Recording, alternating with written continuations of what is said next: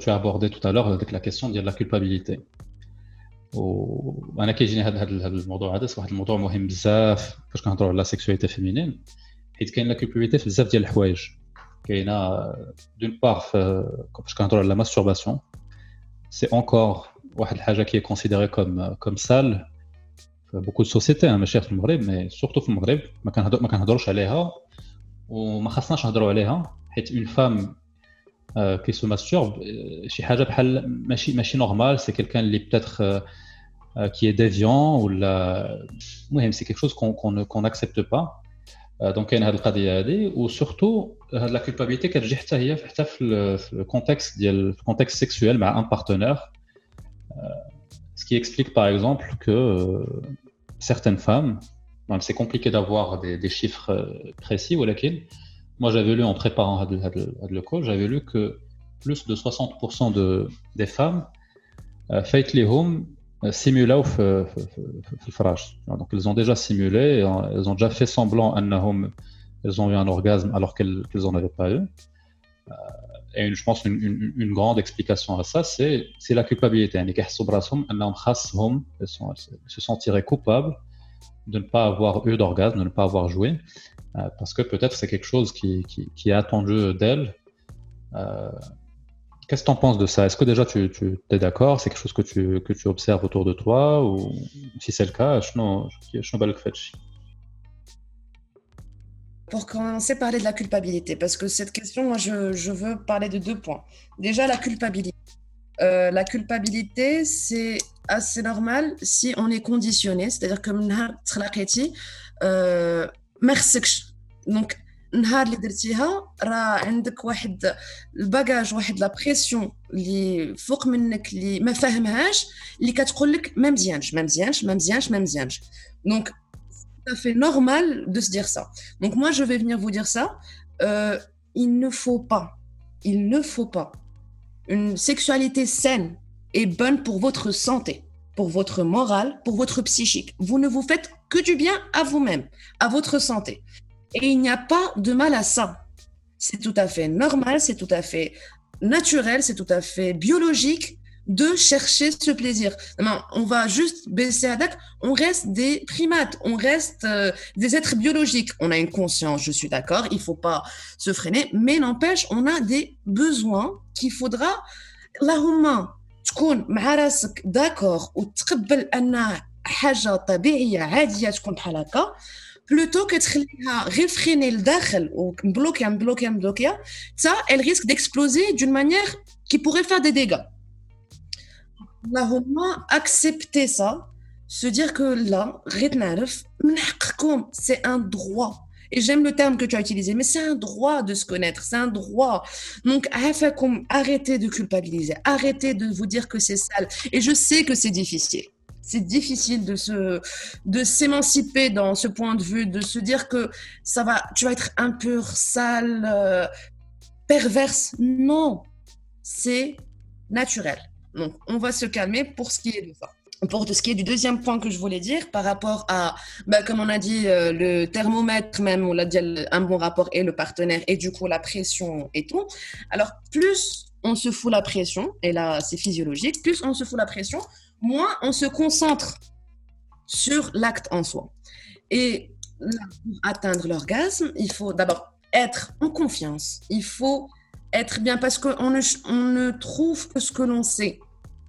Et pour savoir, je vous invite toutes à connaître. Connaissez-vous pour pouvoir trouver. Essayez de stimuler de nouvelles zones. Essayez de voir comment ça se passe. Je, il n'y a pas que et je le répète, que le vagin. Essayez de tout découvrir de vous-même. Cherchez des bonnes méthodes. Google, ça on a la capacité, mais le Google bien orienté, comment bien le faire, comment ça se passe? Et aussi, si vous avez des questions ou quoi que ce soit, allez consulter chez un gynécologue, allez consulter chez un médecin généraliste, allez consulter si vous avez quoi que ce soit comme question. Mais pour revenir à, à la stimulation, donc, un, il faut se libérer, il faut se connaître et de deux, il faut être en confiance parce qu'on a un, cortex préfrontal. Le cortex, c'est dans le cerveau. c'est entre euh, les yeux à l'intérieur du cerveau. C'est ce qui nous permet d'être, euh, bah, de guider, de se dire que c'est bien, pas bien, de, de pouvoir se juger, juger la situation, ce qui est super puisqu'on a pu survivre hein, toutes ces années d'évolution. Euh, mais pour atteindre l'orgasme, il faut que ce cortex-là soit inhibé, c'est-à-dire que ce cortex-là fasse une pause. Et donc pour cela, il faut que la personne soit en accord, en harmonie avec elle-même, donc, donc, il a même de la pression. Il faut, il faut, il faut, il faut, il faut que tout se passe bien, qu'il kiffe, que il faut que je fasse du bruit, il faut que j'imite ce que j'ai vu à la télé. Non, pause. Vivez le moment.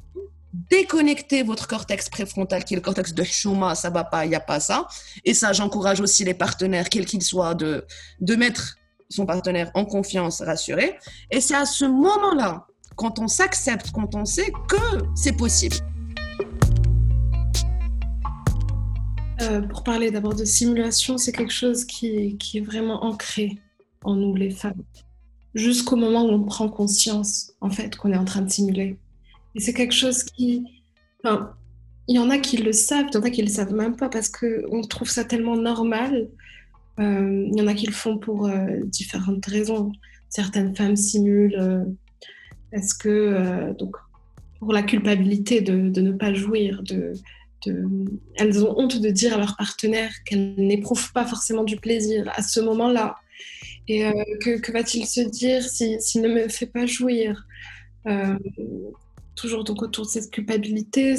Après, il y a certaines femmes qui simulent, j'ai reçu plein de témoignages qui me disaient ça justement, pour mettre fin à un acte qui peut être douloureux. Parce que, parce que étant donné qu'on a toujours que, la sexualité a toujours tourné autour de la pénétration et qu'on n'a pas d'éducation sexuelle, c'est quelque chose qui, des fois, ne se fait pas dans les bonnes conditions et qui, peut faire mal parce que c'est quand même euh, un, pénis qui rentre dans un trou pour euh, vulgariser la chose. Et euh, quand on n'a pas les, clés, quand on n'a pas les informations, qu'on ne sait pas qu'il faut assez se stimuler avant pour, que ça ne fasse pas mal. Et on a normé tout ça, en fait. Il y, a plusieurs femmes qui, simulent, donc, comme je t'ai dit, pour mettre fin à l'acte. Mais c'est aussi quelque chose qui, c'est dramatique, mais c'est aussi quelque chose qui, reste relié à la culpabilité parce que euh, on ne veut pas dire que, ça fait mal, on ne veut pas dire que, que ça fait pas du bien. On, a peur de blesser l'ego masculin parce que ça aussi c'est ancré dans notre éducation. Sois gentil avec ton homme, sois gentil avec ton mari, rassure-le. Euh, donc, tais-toi en fait. Sois, sois une femme et tais-toi. C'est exactement ce qu'on nous demande de faire. Donc euh, de ça, il y a beaucoup de choses négatives qui découlent, comme la honte et la culpabilité. Alors déjà, euh, ça c'est évident, la question que tu poses. C'est même plus une question, c'est un fact, c'est un constat. Euh, je, ne sais pas si c'est que de la culpabilité. Je pense qu'il y a un mélange de beaucoup de facteurs. En plus, comme je t'ai dit, nous, les femmes, je t'ai dit, on se met tellement la pression et on culpabilise pour tout. Uh-huh. Donc ça, c'est sûr qu'il y a une part de culpabilité. Il y a aussi une... Euh, on revient aussi à ce qu'on avait dit tout à l'heure, c'est-à-dire que l'homme dirige la situation euh, et il met fin à l'acte. Donc, qu'est-ce que tu te dis en tant que femme? Moi, en tout cas, je, me, je, je vais te dire ce que nous, on se dit. Euh, on se dit, ok, donc là, on est en train d'aller vers la fin.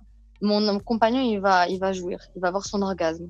Je hmm. Euh, je vais pas passer quand même pour une conne ah. et gâcher toute l'ambiance qu'il y a autour. Et, on va dire décevoir. Il y a aussi une question de déception. Décevoir la personne avec moi ah. et tout gâcher en, ne rien, enfin, en ne faisant rien ou en, ou en exprimant que je n'ai rien ressenti. Je pense que c'est tout à fait, tout à fait vrai. Hein. La... Enfin, les femmes se sentent souvent coupables pour des choses euh, qui, en fait, euh, ne le méritent pas, finalement. Justement parce que, bah voilà, comme ce, qu'on a dit avant, elle a été éduquée de cette manière-là. On lui a appris ah. qu'elle devait être euh, la pourvoyeuse de soins, elle doit être là pour son partenaire, son mari, être aux petits soins, lui donner du plaisir, etc. Et donc, euh, quelque part, elle se sent coupable de, de, pas lui prouver sa virilité. Parce que finalement, on parle de ça. Hein. C'est-à-dire que la simulation de l'orgasme, elle est là pour un peu euh, prévenir, euh, pour la prévention de, la virilité masculine. Euh, quelque part, Rajil, quand il voit que bah, il a fait jouir son, son partenaire, bah, voilà, ça, ça lui masturbe l'ego.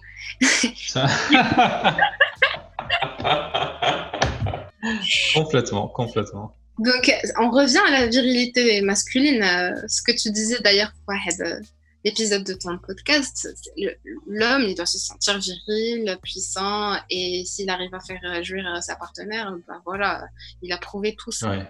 Et donc, euh, la, la, femme, pour peu qu'elle soit amoureuse, bah, elle a envie de faire plaisir, mhm. tu vois. Et quelque part, voilà, donc elle commence à simuler pour pour pas blesser son partenaire. Et, euh, et donc, euh, si elle dit non, elle va le vexer. C'est euh, c'est un cercle vicieux. Mhm.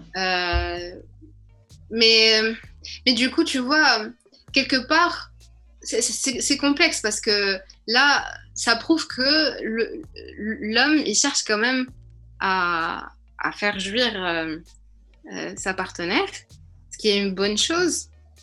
Donc, il demande, tu vois. Mhm. Il cherche cette, cette preuve, même si c'est pour les mauvaises raisons, finalement, parce que c'est pour, euh, mhm. pour lui.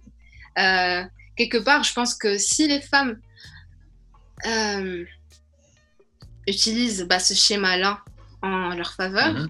bah, elles pourraient, tu vois, elle lui dit, bah non, en fait, tu m'as pas fait jouer. Et donc, tu dois le mériter, quoi. voilà. Donc, si tu veux te sentir viril, prouve-le-moi.